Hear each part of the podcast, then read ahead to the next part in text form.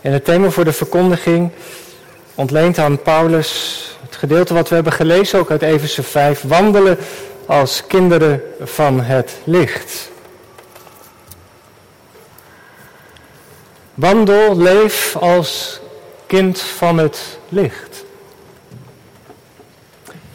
Gemeente van Jezus Christus hier in de kerk en u thuis met ons verbonden. Ik was die morgen met de bus naar mijn werk gegaan. Ik moest later op die dag lesgeven. En tussen de middag zat ik ergens te eten zoals dat in Chili gebruikelijk is. En opeens belde mijn vrouw. De weeën zijn begonnen. Ik snelde, ik liet het eten staan, ik snelde naar het busstation, nam de bus naar huis, maar wat duurde die rit lang? De buschauffeurs in Chili hebben de gewoonte om elke hoek van de straat te wachten om mensen op te pakken. Het duurde wel een eeuwigheid. Ik probeerde hem aan te sporen. Mijn vrouw is bezig. Even weeën, die gaat bevallen. Schiet op. Maar het duurde de rit lang. En ik kwam in het dorp aan, rende over de heuvel naar huis en gelukkig nog op tijd. Om naar het ziekenhuis te gaan waar de bevalling plaatsvond. Kinderen kunnen aan je vragen, mama, wanneer komt de baby? Ouderen vragen aan je, wanneer ben je eigenlijk uitgerekend? Op zo'n vraag kun je natuurlijk antwoord geven, dan en dan, ongeveer. Alleen bij een keizersnee weet je de datum, maar wanneer de baby zich aandient, dat weet je niet precies. Op een bepaald moment beginnen de weeën en dan weet je, het moment is daar. Meestal onverwacht. En niet alleen bij een geboorte is dat zo, maar, maar ook bij een inbraak. Een dief kondigt van tevoren natuurlijk niet aan wanneer die gaat inbreken. Geen briefje door de deur. Als je dan en dan weg bent, dan kom ik. Als je op vakantie bent in de nacht, dan slaat hij toe.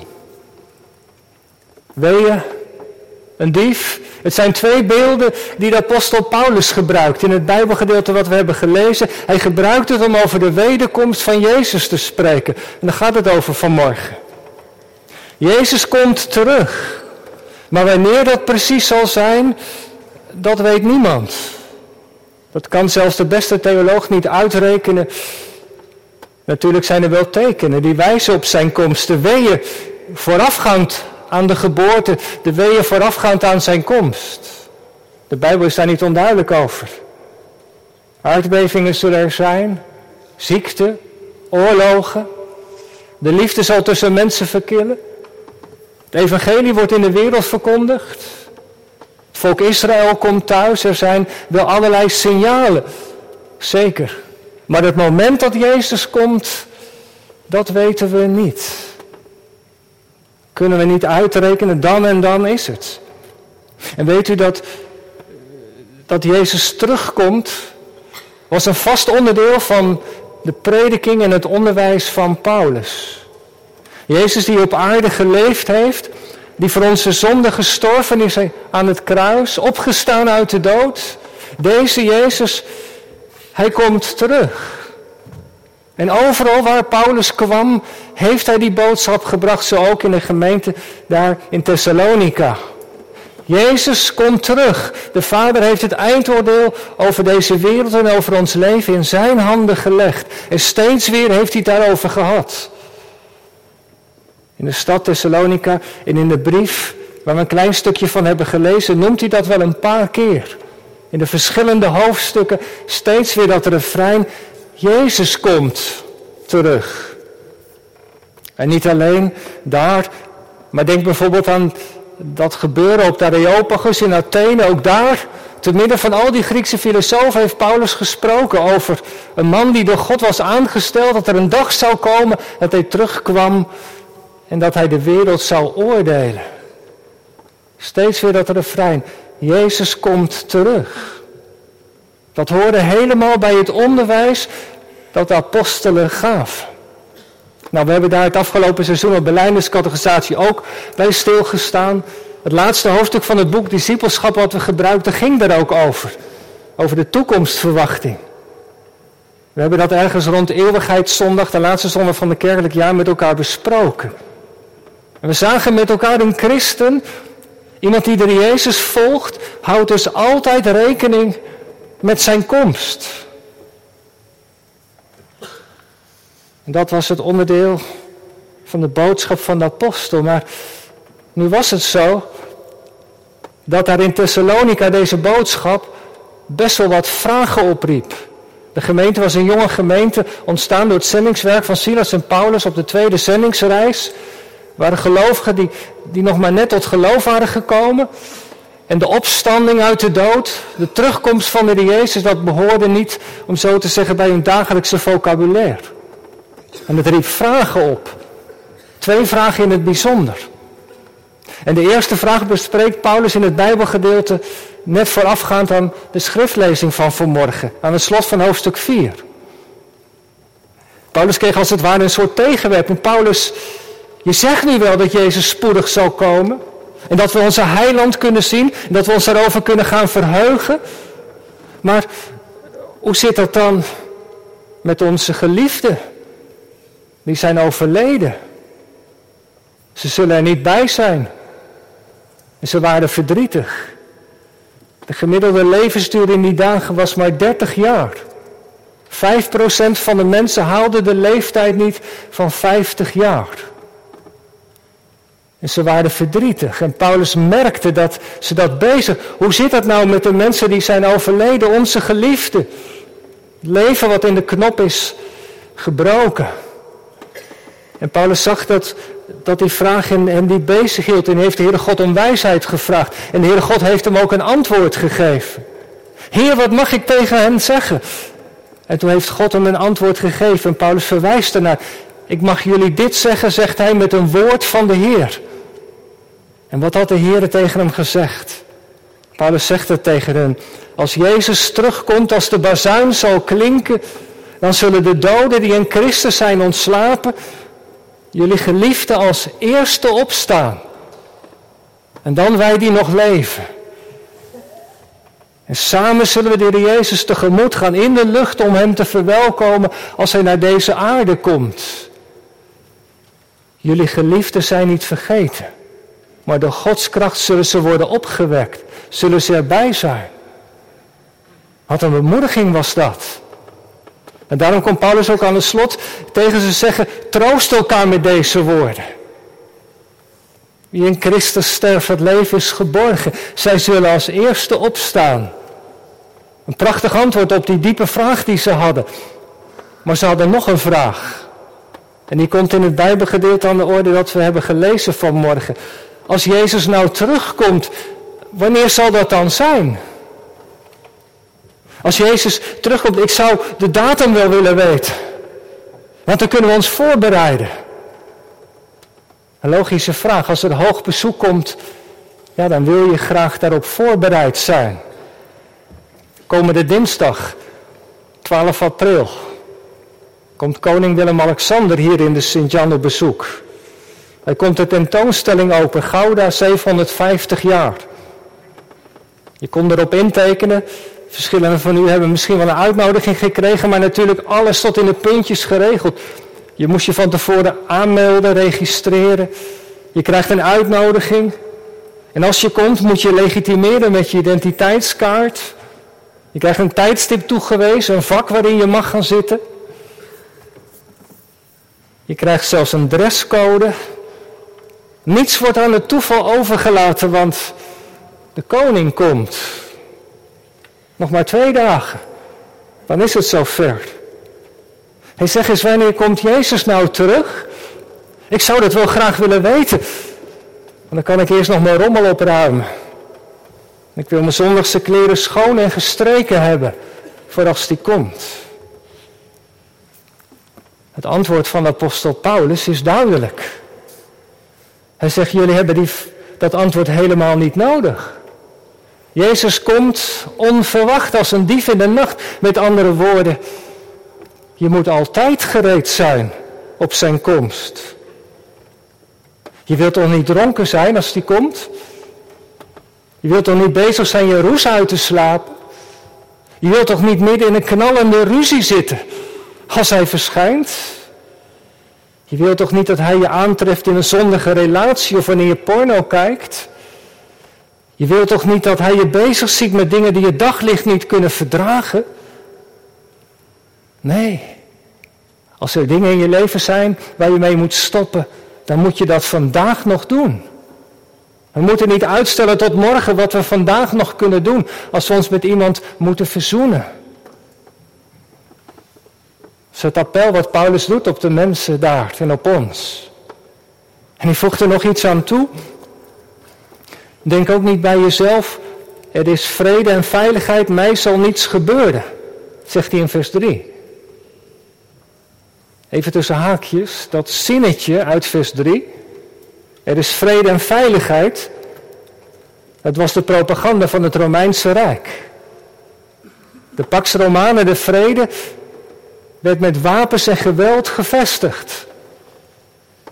Een vredesmissie via een speciale militaire operatie. Geloof die propaganda niet, zegt Paulus. En hij heeft gelijk gekregen binnen twintig jaar. Is Jeruzalem gevallen, is er veel verwoesting aangericht. Paulus doet een appel op de gelovigen. En je kunt dat in één zin samenvatten. Leef zo. Alsof Jezus vandaag al terugkomt. Leef zo alsof Jezus vandaag al komt.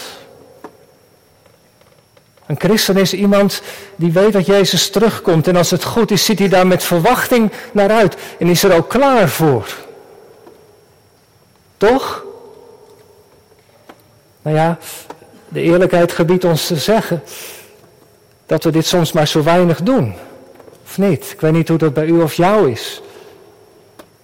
Maar ik denk niet dat we allemaal, als we wakker worden, gordijnen opentrekken, naar buiten kijken door het raam en denken, zal het vandaag zo zijn? Komt hij terug, Heer Jezus?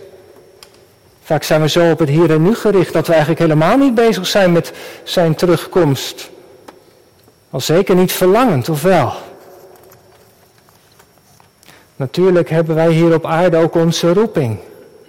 God heeft ons talenten en gaven gegeven om mee aan de slag te gaan in onze studie, in ons werk, in de opvoeding van onze kinderen.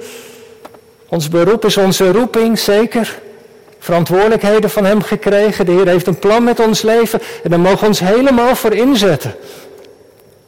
Maar doe dat dan, zegt Paulus, met het besef dat Jezus komst aanstaande is. Doe je werk en je studie vanuit het besef dat het de goedkeuring van Jezus kan hebben, dat je daar niet voor hoeft te schamen.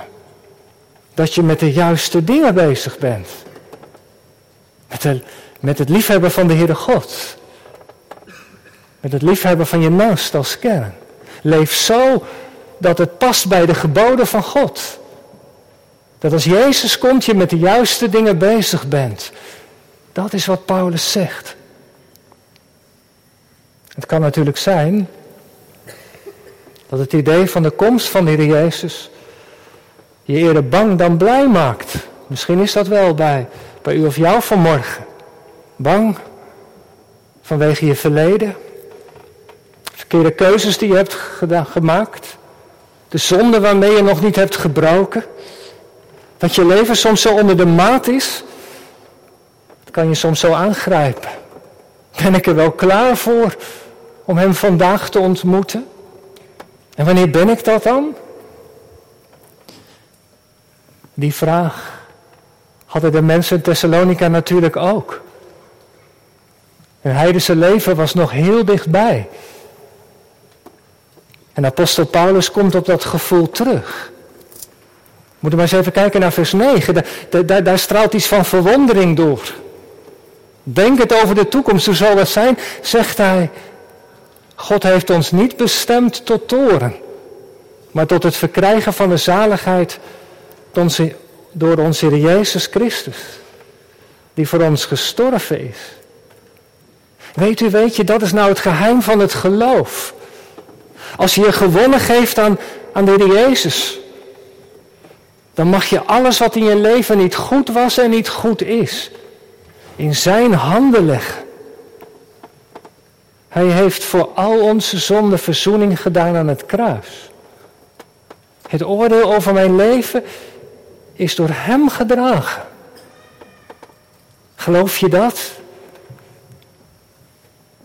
dan hoef je voor de komst van Jezus niet bang te zijn. Jezus komt. Hij komt onverwacht. Nou nee, toch niet helemaal. Voor wie gelooft is de komst van Jezus geen verrassing. Kijk even mee naar vers 4, daar wijst Paulus op. Hij zegt, maar u broeders en zusters, hij spreekt de gelovigen aan, bent niet in de duisternis, zodat die dag u zou als een dief zou overvallen. Wie niet gelooft wordt door de komst van Jezus overvallen, maar voor de gelovigen geldt dat niet. Ze kennen de Heer Jezus. Hij die het licht is van de wereld, in hun harten is door de geest ook een licht ontstoken. En ze zijn kinderen van het licht geworden. En ze wachten op zijn komst. Hoe lang duurt het nog? Nog even en dan komt hij. En ze herkennen zijn stem, ze horen zijn voetstappen. Iemand zei eens, kinderen van het licht, dat zijn mensen die wakker zijn, terwijl de wereld nog ligt te slapen. En dat is wat Paulus zegt. Kinderen van het licht zijn wakker, terwijl de rest van de wereld nog ligt te slapen. Denk even aan een reis, aan een jetlag. Als je naar Zuid-Amerika reist en weer terug, is je biologische klok vaak ontregeld. En dan ben je inmiddels alweer thuis of je bent daar. En midden in de nacht word je nog wakker, want dan was de tijd dat je normaal opstond. Lastig soms met kinderen. Midden in de nacht spelletjes gaan doen. Maar zo is het met de gelovigen, zegt Paulus. Ze zijn wakker terwijl de rest van de wereld nog ligt te slapen. En wat is slapen dan? Dit. Dat je geen rekening houdt met God. Met Jezus die komt. Dat je zo gefocust bent op je leven hier en nu. You only live once. Dat je je tijd misschien wel verdoet met dingen die geen toekomstwaarde hebben.